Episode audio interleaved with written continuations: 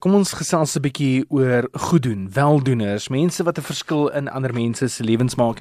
En een van hulle is definitief die Coronationville sentrum in Johannesburg en werkswinkels ook.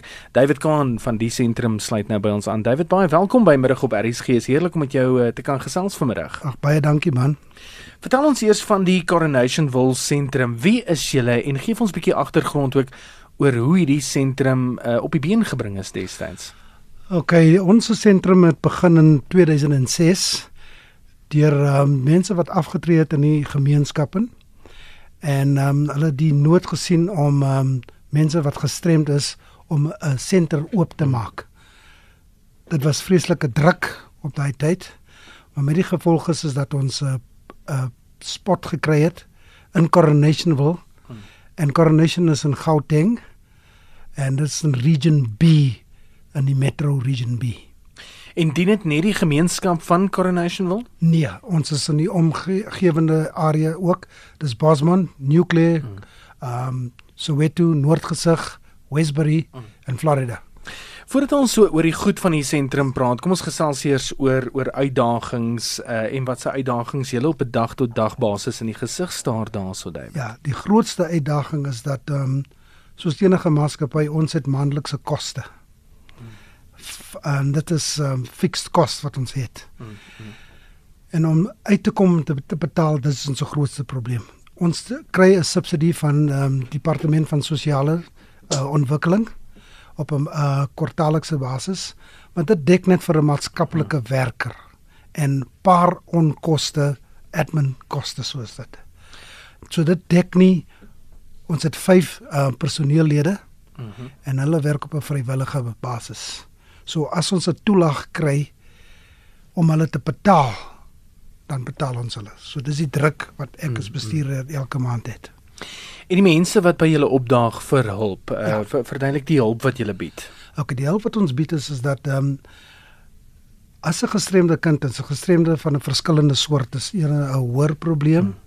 'n probleem van ehm um, uh hulle kan nie ehm um, praat nie Hulle is in ehm um, reistoele en ook ehm um, hulle is gestremd in dat hulle 'n geheueprobleem het. Hmm. Maar die grootste punt wat ek kan voorbring is dat hulle is mense soos ek en jy. Ja. Maar hulle het net 'n nadeel.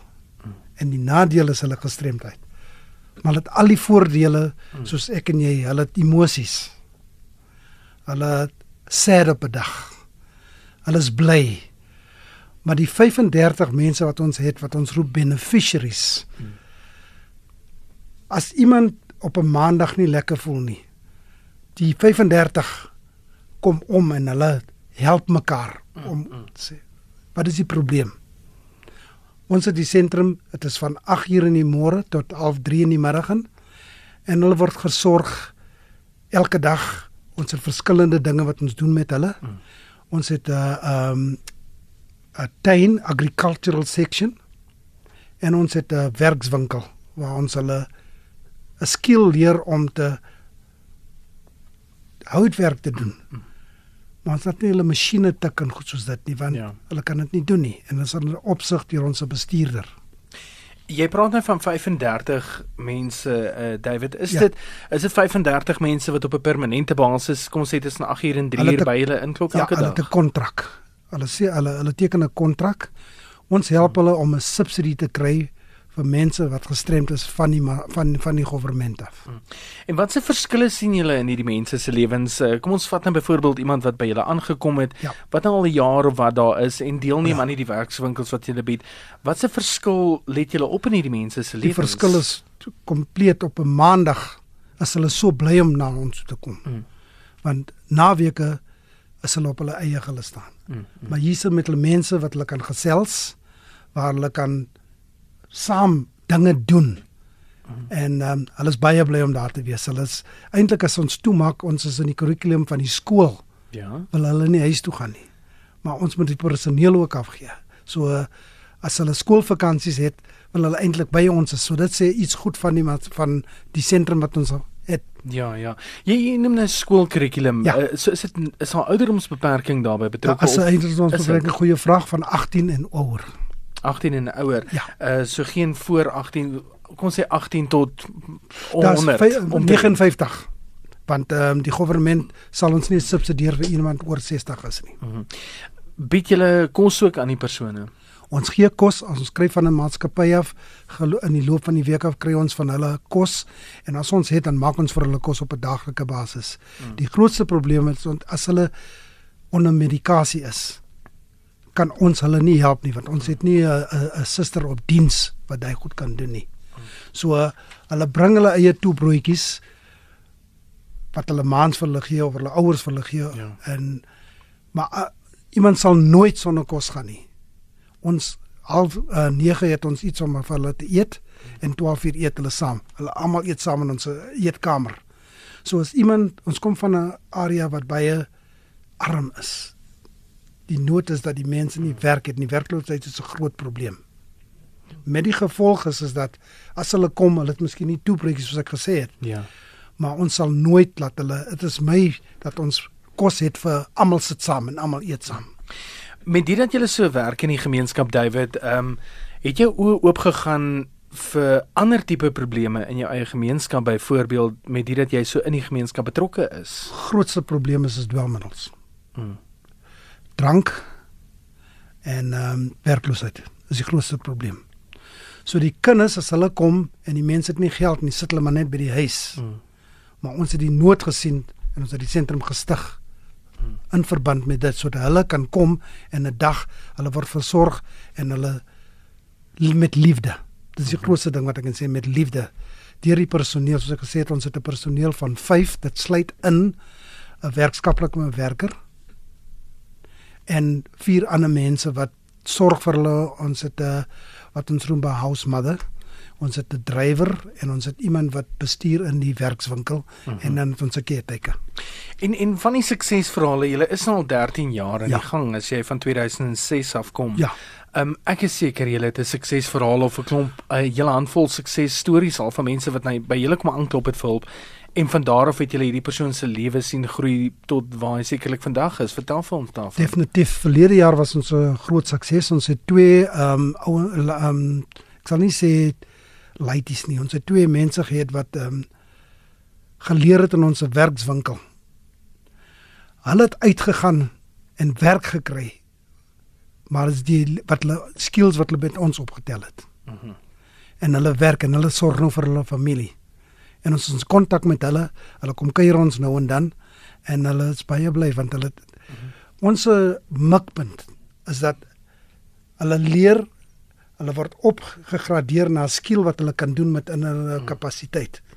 En dan gaan hulle uit om werk te kry en dit is wat ons eh, mikpunt is. En en dit dra by op sigself by tot 'n beter selfbeeld vir 'n persoon die oomblik wat hy 'n broodwinner begin word. Dit uh, dit is 'n groot stap in 'n ou Om se die Engelse selfbeeld woord gewoon hy voel proud dat hy nou vir sy maale kan iets gee. Hy kry ja. geld. Vanuit die sentrum se oogpunt self, ehm um, julle sit met ek dink jy het gesê 5 vrywilligers. Ons het vyf vrywilligers. Ja. Vyf vrywilligers wat wat, wat saam met julle werk. Ja. Ehm um, die die res van die gemeenskap se houding teenoor julle na 13 jaar David. Ja. Uh, ver- verduidelik vir my die gemeenskap se betrokkenheid by julle, nie net die die vyf persone nie. Soos ek gesê het, die grootste probleem is is die werkloosheid. Mm. Maar ons het om fondse in te samel, het ons funksies. Ons het soos 'n uh, bazaar, ons het danse, ons het uh, die lekker ding wat 'n uh, um, uh, bierpark vir die dag en die mense geniet dit. Maar ons as ons 'n mikpunt is R15000 om in te kom. Mm. Ons val baie kort van dit want dit is die gemeenskap en ons baie bly dat hulle ons kom support. Mm. Maar hulle het nie die nodige geld om baie uit te spandeer en goed soos dit nie. Mm. Maar ons kry van die gemeenskap, ek moet sê dat uh, ons kry um, ondersteuning van hulle af. Mense wat of tyd het of dalk 'n uh, kennis het wat hulle wil bydra tot Ja. julle sentrum, verwelkom julle hulle in. Um, al is hulle dalk nie van die gemeenskap self nie. Definitief op een van ons raadslede het ons 'n uh, uh, sielkundige en sy het verlede jaar baie goeie werk gedoen met die 35. Hmm. Ehm um, sy kom in en gee vrywillige tyd. En 'n sielkundige kos baie geld. Ja. maar sy kom en spandeer 'n week saam met die kinders, help hulle uit en sien wat hulle kan doen. En um, ons is baie baie baie baie um, dankbaar vir dit. Vanuit 'n persoonlike oogpunt David, hulle sê ook mos die die waardevolste ding wat jy vir die mense kan gee is jou mm. tyd ook. As jy in jou motor klim en jy en jy ry terug na jou huis toe na 'n ja. lang dag, wat is jou persoonlike gevoel oor dit wat jy doen? Die glimlag op die persoon. Mm. Op die mense, die 35 van hulle. As ek kom kom in die môre, ek het begin na so 2 en 'n half jaar terug. My naam is David. Hulle roep my Bernard. Maar as ek kan stop en vir hulle sê my naam is David, hulle voel so te neergedruk dat hulle voel maar ons ken jou as Bernard. Ja. En hulle die naam opgetel, ek het geen idee van wat af nie. En dit maak my gelukkig as hy kom en sê hulle meneer, ons het gebid vir meneer oor die naweek. Ehm um, ons het 'n uh, lekker tyd uh, gehad saam met ons mense, maar ons het mm. meneer gemis. En ons het die sentrum gemis. So dit maak jou dat jy wil werk toe kom die volgende dag. Jy het jou definitief challenges maar dit maak jou net dat hulle voel gelukkig en hulle is in 'n lekker mm, space, mm. wat ek kan sê. David, wat het jy gedoen voordat jy betrokke geraak het by die sentrum? Ek was uh, ehm, 30 jaar was ek 'n HR spesialist. Ek het vir 'n groot maatskappy gewerk. Mm. Maar ehm um, soos tyd kom, ehm um, ons is 'n internasionale maatskappy. Mm. En hulle het ons gevra 10 jaar voor my aftrede dat ons moet 60 is die aftreetyd. Toe ek 60 geword het, toe vra ek hulle net om my tyd te verleng, maar hulle het nie so gemaak nie. So ek is afgetree nou al 6 jaar. So so jy is nou verby die middel 60. Ek moet ek moet sê jy draai jou jare baie goed. Jy lyk glad nie in die 60 in Junie. Is dit die werk wat jy doen wat jou jonk hou eintlik?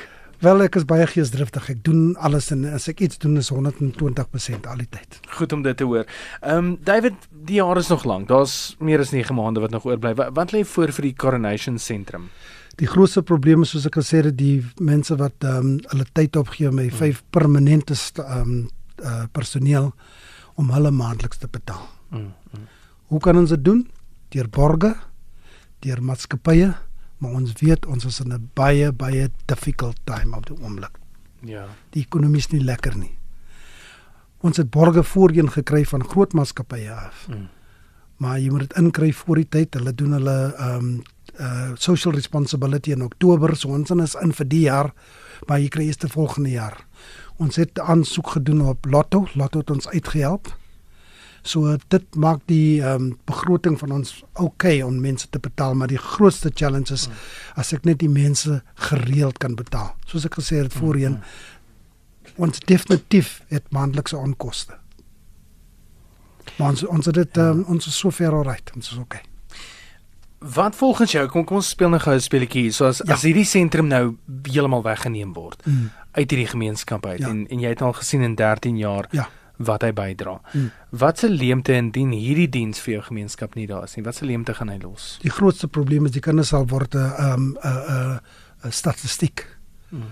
van die probleme in ons area. Soos ek genoem het, is die dwelmmiddels, is die drank, is die um, unemployment Dis die grootste probleem.